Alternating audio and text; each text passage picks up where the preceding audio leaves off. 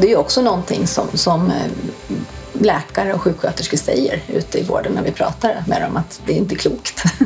Att man har en så kortsiktig eh, planering så, som är. Att man inte riktigt vet vad som ska hända efter nästa val.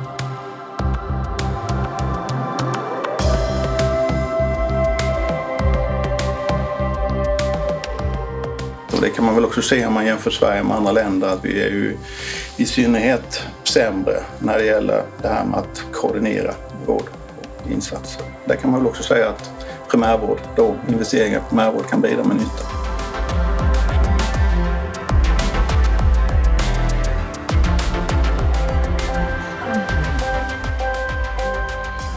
Hej och välkommen till Svampen vi är ST-rådet i Svensk förening för allmänmedicin, SVAM.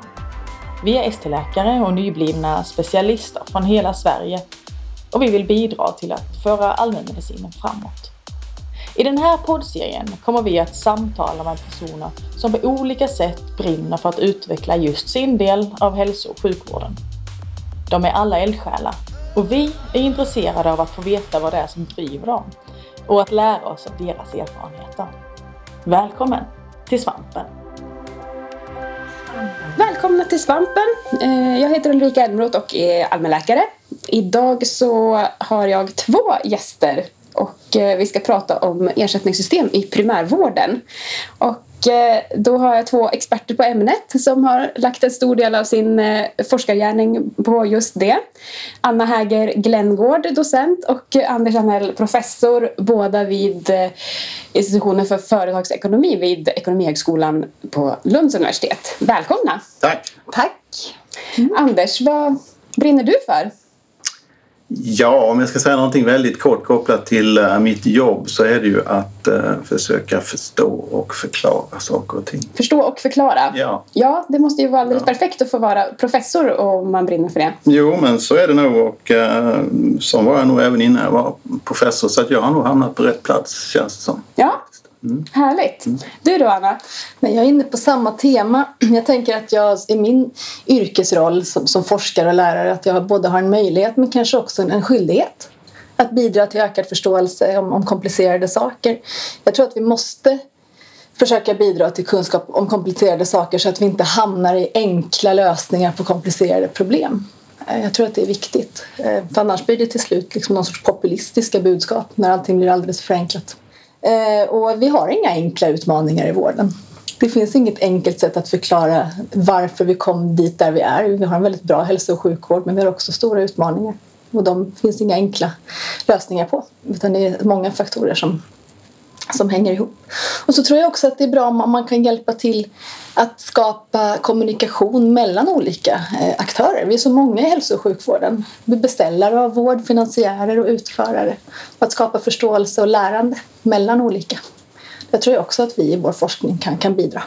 Ja, och då har ni alltså tagit er an då bland annat det här med ersättning i primärvård. Den lilla biten. Den lilla, lilla biten, ja. Mm. Mm. Vad, eh, vad finns det för sätt man kan ha ersättning i primärvård? Ja, alltså för det första kan man ju säga att man kan ju inte undvika att ha ett ersättningssystem. Vi, vi måste ha ett sätt att fördela pengar i, i primärvård. Det är ett skattefinansierat system vi har i Sverige. Vi måste använda de medel på ett ansvarsfullt sätt. Förhoppningsvis där de gör bäst nytta. Ehm, sen kan man diskutera vad det är. Men, men vi måste ha ett system för att fördela pengar så det är inget alternativ att inte ha ett ersättningssystem.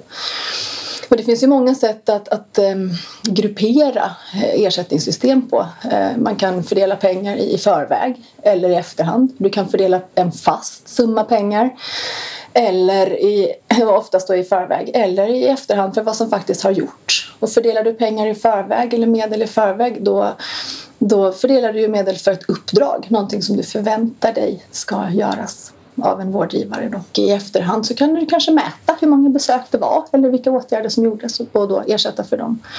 Och beroende på vilket sätt vi väljer att fördela eh, pengar eller ersättning då, så, så hänger ju det i sin tur samman med den övriga styrningen av vården. Ehm, ett, ett sätt där vi fördelar eh, liksom renodlat ehm, ersättning i förväg eh, för ett förväntat uppdrag då, de, det ställer ju kanske andra krav på uppföljning av vad vårdgivare faktiskt gör än vad det gör om du mäter vad som har gjorts och sen sätter pengar på det i efterhand. Mm. Så det är inte så att ersättningssystemen är någon isolerad del av, av styrningen av vårdgivare. Nej, verkligen. Men om man tänker då att man vill ha nytta för pengarna Får man det om man eh, lägger dem på primärvård? Ja, eh, det beror lite på vad man menar med nytta. Eh, men eh, man kan väl säga att eh, om man tittar på hur svensk sjukvård ser ut så finns det väl alltså många goda skäl att tänka sig att investeringar i, primärvården lönar sig. Och tittar man på de studier som har gjorts generellt så att den nytta man kan få med investeringar i, hälso eller i primärvård är ju att man kan åstadkomma en jämlik eh, hälso och sjukvård.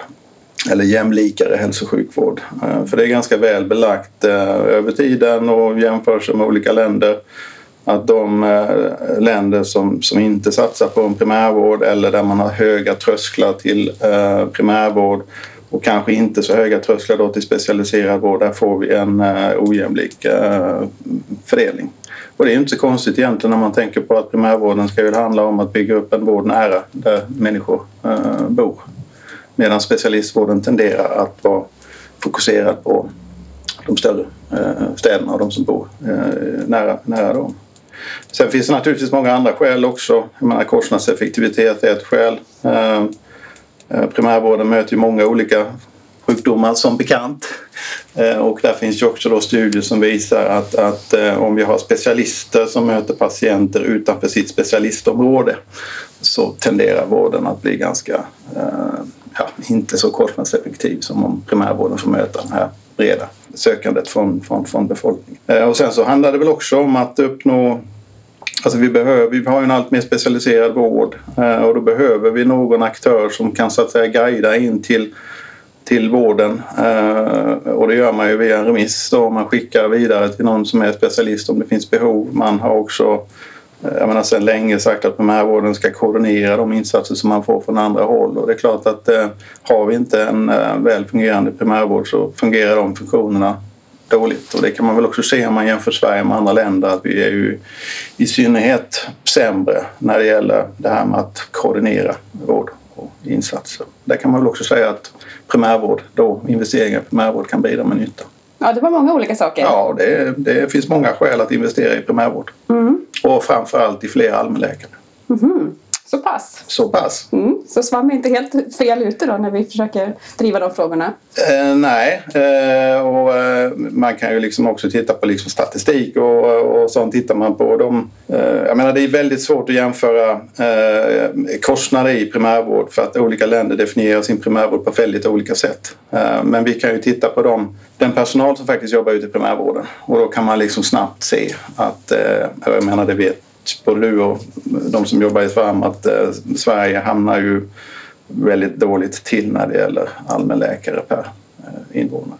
Skulle man dra det så då att det skulle kanske spara resurser totalt i Sverige om vi var fler som jobbade i primärvården, kanske fler allmänläkare och lite mer resurser till primärvården?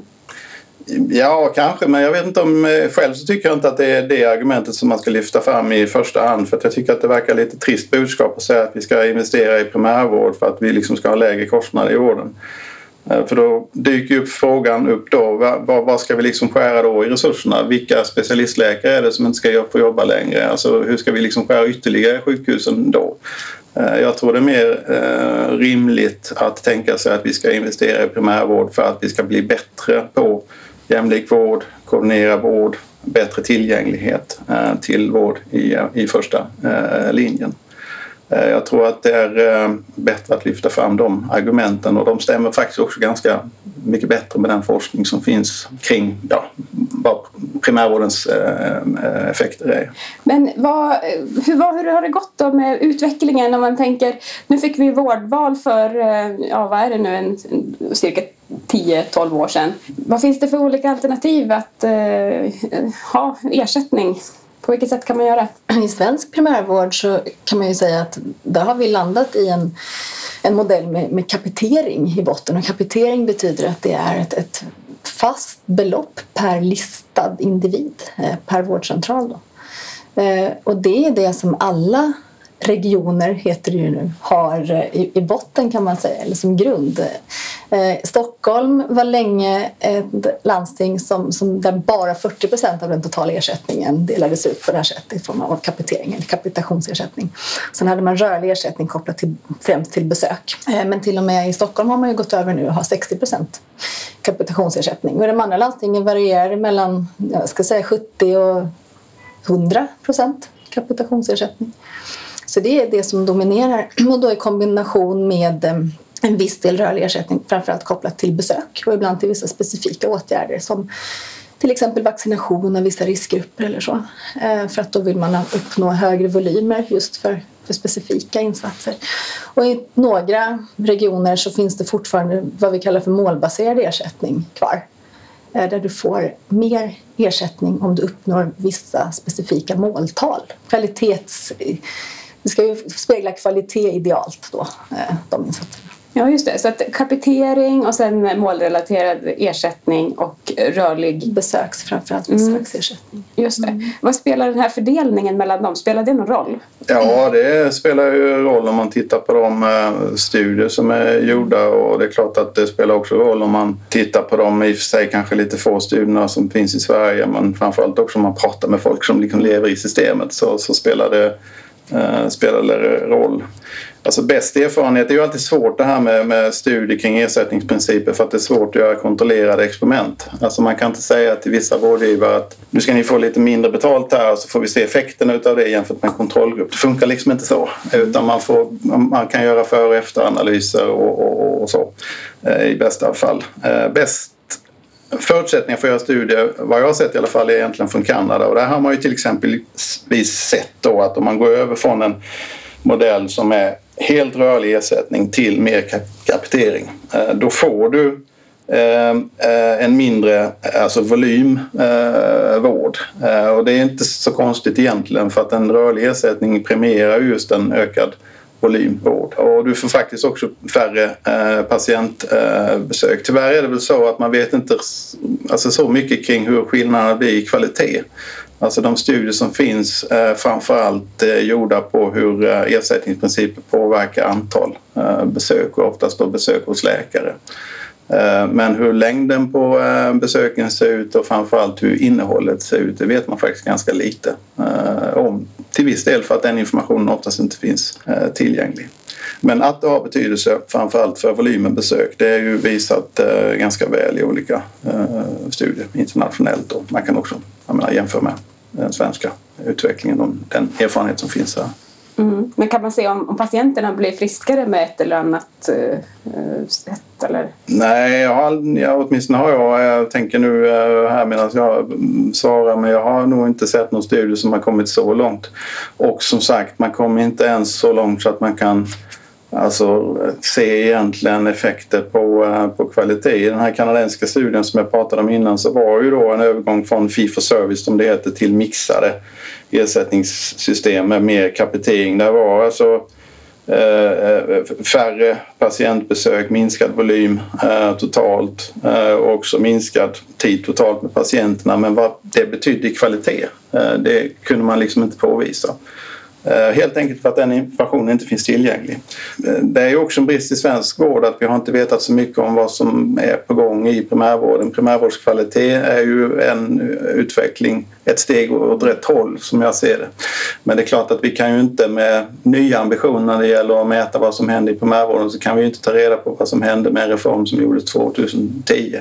Så att jag tror inte att vi någonsin kommer att liksom ha fullständig klarhet på vad vad som var resultatet av den reformen utan det kommer vara massa frågetecken som, som eh, fortfarande liksom finns kvar och som vi möjligen kan reda ut i framtiden eh, då, med, med nya studier och bättre data. Med den mån man har kvalitets eller målbaserad ersättning om vi, om vi då lyckas mät, fånga mått som faktiskt är, innehåller en, en förbättrad kvalitet. Då kan man ju säga att en sån ersättning styr mot ett sånt beteende. Då.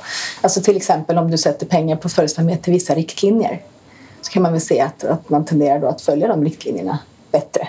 Det kan man då göra. är frågan, Ben, att, ja, då, då är frågan, är det då bättre kvalitet eller är det någonting Mm. annat? Det finns ju massor med studier på målrelaterad ersättning, inte bara i primärvården utan kopplat till annan vård också. Och det här är ju precis som du säger, eh, annars så kan man ju liksom säga att oftast så är de ju målrelaterade ersättningar kopplade till processmått Ja. av olika slag, vad man ska göra med kroniska patienter, diabetespatienter och andra. Och då kan man säga att man blir mer följsam till riktlinjer och så. Eh, åtminstone så som det registreras.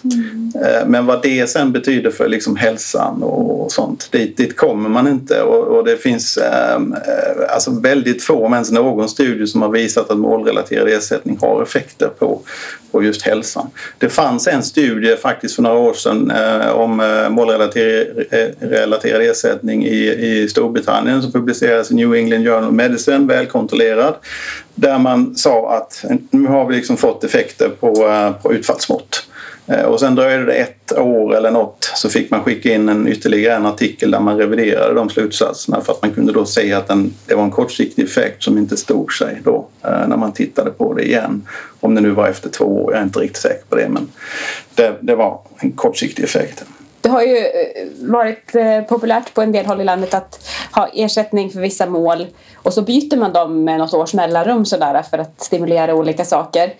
Eh, vad vet man om den metoden? Ja, det man säkert vet är ju att de som jobbar i vården är irriterade över den typen av klåfingrighet. Uh, inte så sällan så handlar det ju om att det är politiker eller någon annan som har fått någon idé. Uh, och, och Får man någon idé så vill man gärna liksom genomföra någonting snabbt och då tror man oftast att om man sätter pengar på det så är liksom, ja, blir det också på det viset. Så det vet man väl i alla fall att det är ett irritationsmoment. Eh, så upplever jag det i alla fall efter att ha pratat många i, i, i vården. Nej, jag deltar just nu i en intervjustudie. Jag har varit ute och pratat med, med läkare och andra på vårdcentraler i Skåne eh, och frågat eh, vad som hindrar eller bidrar till ett gott innovationsklimat. Alltså förmåga att, att utveckla verksamheter och så. Där säger man ju just det att den detaljstyrning som ofta då är förknippat med målrelaterad ersättning. Det är, liksom, det, det, det är verkligen ett hinder för att komma upp med idéer och, och tankesätt och en, liksom, den långsiktighet som krävs, att du håller i för att kunna våga implementera förändringar och förbättringsarbete och verksamhetsutveckling. Det kan ju också så att man faktiskt får effekt av att man sätter pengar på någonting men det är inte säkert. Alltså det är ju ändå det här med är det, liksom, är det, är det, är det en bra utveckling? Det är ju inte liksom givet. Alltså det finns ju ett begrepp i, uh, i brittisk forskning som heter reaching the target but missing the point. Alltså att man till exempel anställer någon sjuksköterska eller någon annan för att liksom, ja, svara i telefon eller vad det nu är för någonting bara för att man måste göra det. Man, man får pengar för det. Uh, men man tycker samtidigt själv att det här bidrar ju liksom till patientnyttan. Egentligen skulle vi vilja använda de här pengarna på något annat sätt men nu måste vi liksom göra så här tycker vi för att få de där extra eh, pengarna. Sen finns det ju annan, eh, andra sådana här eh, icke avsedda effekter som man också pratar om i eh, litteraturen i termer av crowding out som kanske egentligen är än värre. Det finns ett bra exempel från Östergötland från 2005 när de började med målrelaterad ersättning. Då satte de målrelaterad ersättning på diagnossättningen i primärvård för de ville ha upp diagnossättningen.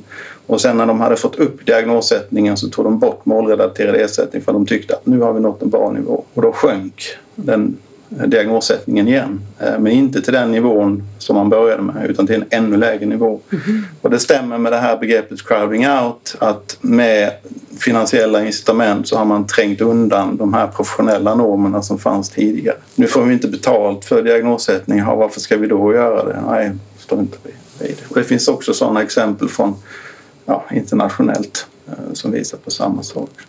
Mm, väldigt intressant.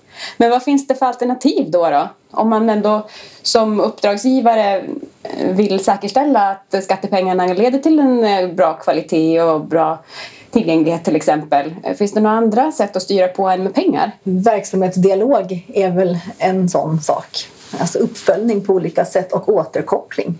Inte bara följa upp data som finns till exempel i, i primärvårdskvaliteter utan även koppla tillbaks eh, till, till varför det ser ut som det gör och jämföra över tid, jämföra med andra för att skapa ett kontinuerligt lärande eh, och kunskapsutveckling, verksamhetsutveckling ute. Eh, och då kan man ju också, som jag sa inledningsvis, här, alltså ersätta för ett uppdrag om man sedan då följer upp på ett vettigt sätt det som görs och inte bara då genom att plocka pinnar plocka statistik, eh, information ur olika register utan även komma ut i verksamheter för att se vad det är som fungerar bättre och sämre.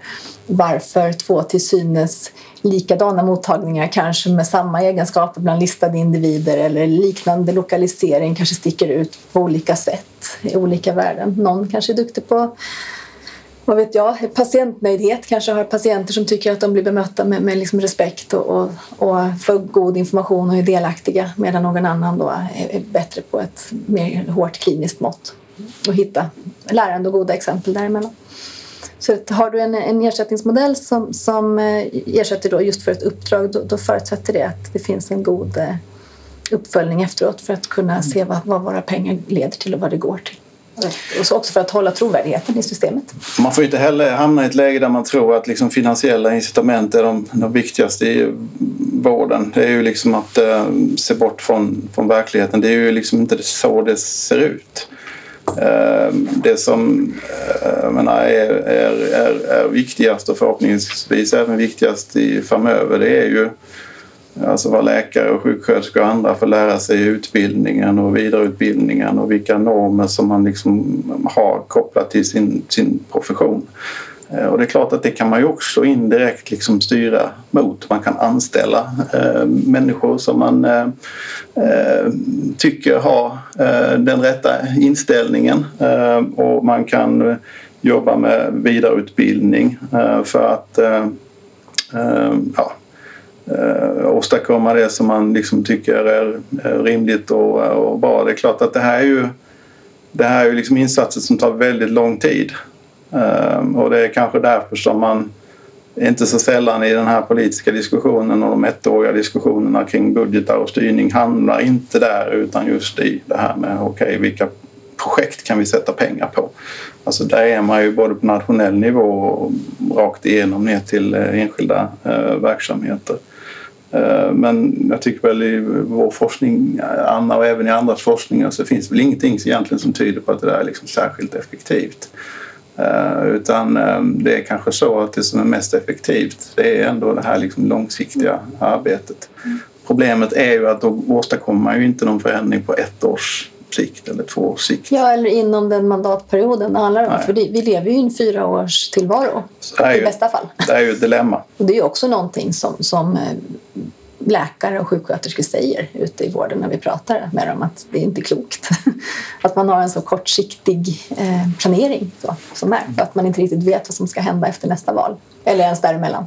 Alltså. det är klart att man får liksom eh, förstå politiker också. Jag menar, mycket frågor kring tillgänglighet som alltid är aktuella och nu blir mer aktuella igen. Då. Alltså det är ju svårt för en politiker oavsett om det är minister eller någon annan och säga till en journalist som frågar om tillgänglighetsproblem, hur ska ni liksom fixa det här? Att jo, vi ska liksom jobba med utbildningssystem och normer och sånt och om fem, tio år så kommer vi nog ha fixat detta. Alltså man kan inte ge ett sånt svar utan man förväntas ge ett svar som ger intryck av att saker och ting kommer liksom fixas inom ett år. Så, så blir det ju i regel inte men, men eh, ja, man är ju det är oftast där som man hamnar. Det finns ju en del skrivet om just ersättningsprincip också faktiskt på det. En del sådana här kritiska liksom, eh, debatter kring varför, varför liksom är det så mycket fokus på just ersättningsprinciper i, eh, ja, i all diskussion. Är det för att det liksom är eh, effektivt sätt att liksom ändra på hälso och sjukvården? Nej, Förmodligen inte, men det är enkelt att ändra på. Mm. Och det är därför som vi liksom tenderar att fokusera det. Men det är inte så att befolkningens behov förändras bara för att vi slutar ersätta rörligt och övergår till en fast modell. Det är tvärtom. Samtidigt kan man ju inte bagatellisera det utan man måste ju fixa ersättningsprinciper ja. på något sätt. Men det gäller väl liksom att, liksom, eh, tror väl vi i alla fall, att inse att ja, alla alternativ är eh, man får välja liksom det minst, minst eh, dåliga och lite följa den här principen först av allt, inte skada som ju gäller i vården i övrigt, eh, eller ska gälla. Eh, och, och, och, gör man det så hamnar man kanske i lite andra lösningar och man eh, eh hamnar också, precis som Anna lyfte fram, i att ja, det finns ju mycket här som vi måste liksom göra vid sidan av och utöver ersättningsprinciperna som förmodligen på sikt kommer ha större betydelse. Man brukar säga att det finns inga neutrala ersättningsmodeller. Det ligger väl någonting i det. Så ersätter du rörligt så driver du volymer till exempel. Men eh, finns det något exempel på där man har liksom lyckats kanske bättre än på andra håll? Alltså i stort sett alla länder är ju intresserade av att ändra på ersättningsprinciperna. Det finns många länder som tittar på uh, ersättningsprinciper i, uh, i Sverige och är intresserade av liksom kapitering och riskjusterad kapitering och, och, och så. Uh, så att, ja, och samtidigt så finns det ju inte så mycket nu men det kanske kommer tillbaka igen en diskussion. I de länder där man har mycket kapitering skulle vi föra in lite mer av en rörlig komponent. Alla är missnöjda eh, men man är missnöjda på lite olika sätt beroende på var man är i det här kontinuumet från, från rörlig till fast ersättning och det är väl också ett, ett uttryck för att eh, det inte finns några perfekta eh, lösningar. Det kan vi se även i svensk primärvård. Jag tänkte vi gjorde en studie ganska kort tid efter att vårdvalet infördes. Den är publicerad 2012 där vi tittade på bland annat hur, hur nöjd man var med den ersättningsmodell man hade. Och det var ju ingen i, inte i något landsting så var mer än säg, 20 procent nöjda med den modell de hade. Mm. Och då hade vi ändå ett lite större bredd på de modeller som fanns inledningsvis. Nu har ju modellerna närmat sig under den här perioden sedan vårdvalet infördes. Men då var det ändå alltifrån 40 procent fast ersättning upp till 100. Mm. Och det var fortfarande ingen, ingenstans där, där mer än en femtedel tyckte att men det här var, var bra. Läkare i Skåne och västra eh, Götalandsregionen som hade nästan 100% kapitering. De var lika missnöjda som mm. de i Stockholm som hade betydligt mer eh, rörlig ersättning. Och så ska vi inte heller glömma att det, finns, det är inte så att det är slumpmässigt införda ersättningsmodeller utan i Stockholm ville man ju uppnå eh, fler besök. Tydligare uttalat. Eh, och sen kan man tänka att har man en, en modell som bygger till hög del på kapitation och som dessutom är riskjusterad som du nämnde Anders och när den är riskjusterad då betyder det att du får mer pengar för förväntat större primärvårdsbehov eh, hos olika grupper i befolkningen baserat på vilka du har på din lista. Eh, och då förväntas du ju ta liksom ett större helhetsansvar kanske för den gruppen av patienter du har listat eller den gruppen i befolkningen. Och det är inte nödvändigtvis så att det är bättre med tre besök än ett. Men det är bara det att vi kan inte mäta om besöket varade 40 minuter eller en kvart när vi tittar på effekter av, av, olika, eller skillnader då mellan landsting eller skillnader mellan regioner kopplat till ersättningssystem. Vi kan konstatera att ja, det blev fler besök i Stockholm jämfört med Skåne. Men vi vet ju inte om de var lika långa eller hade samma innehåll. Eller... Ja, nej men för det, det förstår jag att då sammanfattningsvis att det, man var missnöjd oavsett vilken ersättningsmodell man hade. Men är det då nivån på ersättningen eller är det något annat då som man är missnöjd med? Vet ni det? Ja, det är man väl också ständigt missnöjd med. Om du går ut och frågar primärvården om man är nöjd med ersättningsnivån så tror jag inte att det är så många som tycker att ja, men vi behöver inga mer pengar. Utan det, det finns något missnöje där också. Eh, sen så är det väl kanske, eh, jag menar det är ju också eh, lite var man är just eh, nu men, men eh, alltså tittar man på läget just nu så finns det väl en del regioner som Eh, i synnerhet borde vara missnöjda med ersättningsnivån och ha en diskussion kring det snarare än ersättningsprincipen. Jag tycker kanske, och det kanske ligger i frågan också, att det, det, det är väl mycket diskussioner om ersättningsprincipen när den viktigaste frågan för svensk vård kanske handlar om ersättnings nivåer.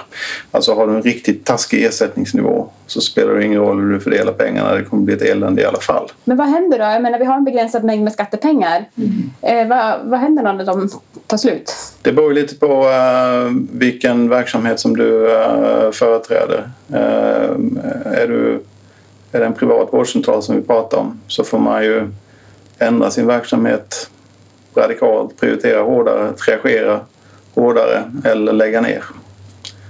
Ehm, är det en offentlig verksamhet så händer ju inte riktigt det på samma sätt. Ehm, och det där finns ju i de allra flesta eh, landsting i slutändan då, för att inte säga alla, en omfördelning som innebär att de enheter som har gått med plus de får liksom eh, ge till de som har gått med minus.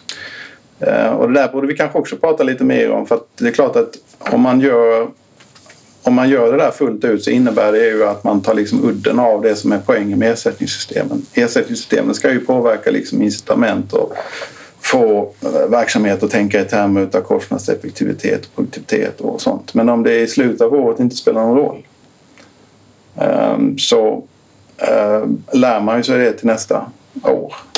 Och då, då spelar det heller inte så stor roll av vilka ersättningsprinciper man har om det inte finns någon liksom förtroende för att det här kommer ha betydelse för, för verksamheten. Fick du några tankar? Nej, jag funderade på um, just att jag um, så här, aktuellt, i och med att jag är mitt inne i den här intervjustudien nu kring, eh, jag ställde ju frågan också då i Skåne vad, hur, hur uppdraget har förändrats över tid och hur um, och då kopplat till det även ersättningsmodellen. Eh, och i Skåne så har ju detaljeringsgraden minskat över tid. Man har tagit bort målbaserad ersättning till exempel. Och det uppskattas av såväl privata som offentliga eh, vårdgivare generellt. Att det blir en minskad eh, detaljeringsgrad i uppdraget, alltså större frihetsgrader. Och sen har ju också primärvården fått mer pengar i, i Region Skåne i år jämfört med tidigare. Och det, det säger ju alla att det är bra såklart.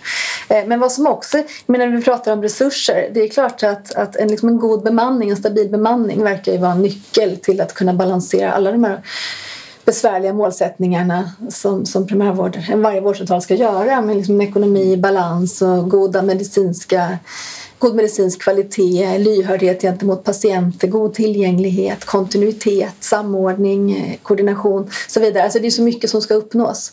Eh, och, och har du eh, liksom, läkare som kommer in på korta kontrakt så är det klart att det arbetet med tillgänglighet kan möjligen stundtals förbättras därför att de läkarna gör ju inte lika mycket kringarbete utan det handlar mycket om att beta av faktiskt i kön.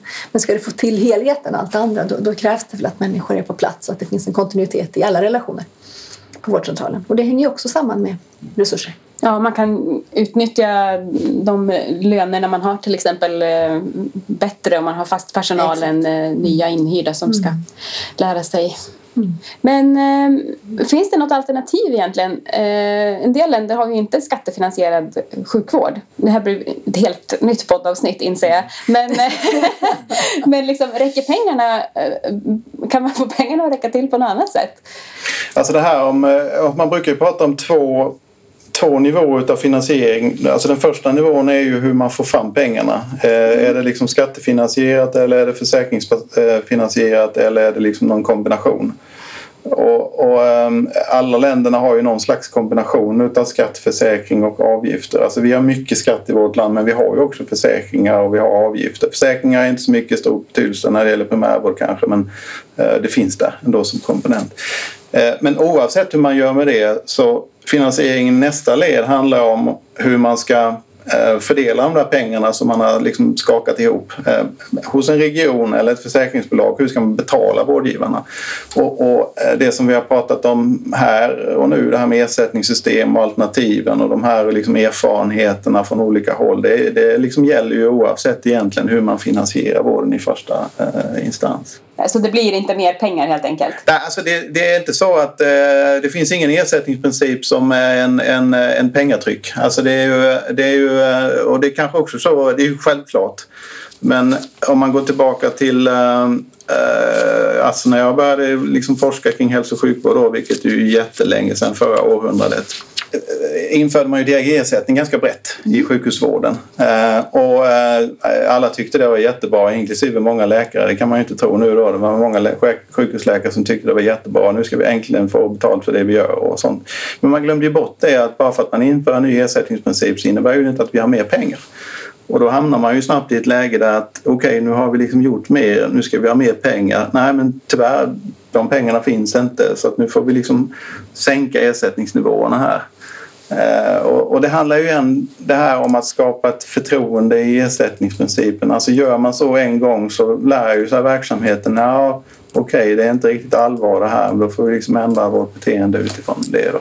Men, men alltså ersättningsprinciper är liksom ingen pengatryck. Det här med hur vi får fram mer pengar till primärvården, vilket ju är anläget, det är liksom en annan annan fråga. Eh, det man möjligen kan säga det är ju att det, alltså det är viktigt att vi har de här grundläggande faktorerna på plats. Då. Vilken roll har primärvården? Hur liksom ersätter man? Hur följer man upp? För att har man allt det på plats så eh, kan man ju se till att de pengarna som faktiskt kommer till primärvården används på ett bättre sätt oavsett om det nu är skatt eller om det är att det är omfördelningar i systemet eller vad det nu är för någonting. Men det är en liten separat eh, fråga som är kopplat till det här med ersättningsnivån. Eh, hur ska man sätta den? Och sen kan vi väl också säga det att alltså, som väl är så finns det ju en bred konsensus kring att, att vi vill ha en jämlik vård där vi får vård baserat på behov och inte baserat på inkomst eller utbildning eller efternamn eller vad det nu är. Och då är ju ett skattefinansierat system en bättre förutsättning för att uppnå det. Så det, det är väl ändå en slutsats som går ja. bra från både litteratur och mm. empiriska studier. Det säger ju alla, men då måste man ju också liksom veta vad konsekvenserna av det är. Alltså det, det är mycket lätt att säga det, men om man sen säger det men sen inte gör någonting så kommer ju kanske då antalet privatförsäkrade fortsätta att öka på grund av tillgänglighetsproblem eller vad det nu är för någonting. Och då hamnar vi ändå i ett system med dubbla ingångar trots att vi har sagt att det egentligen borde vara på något annat eh, sätt.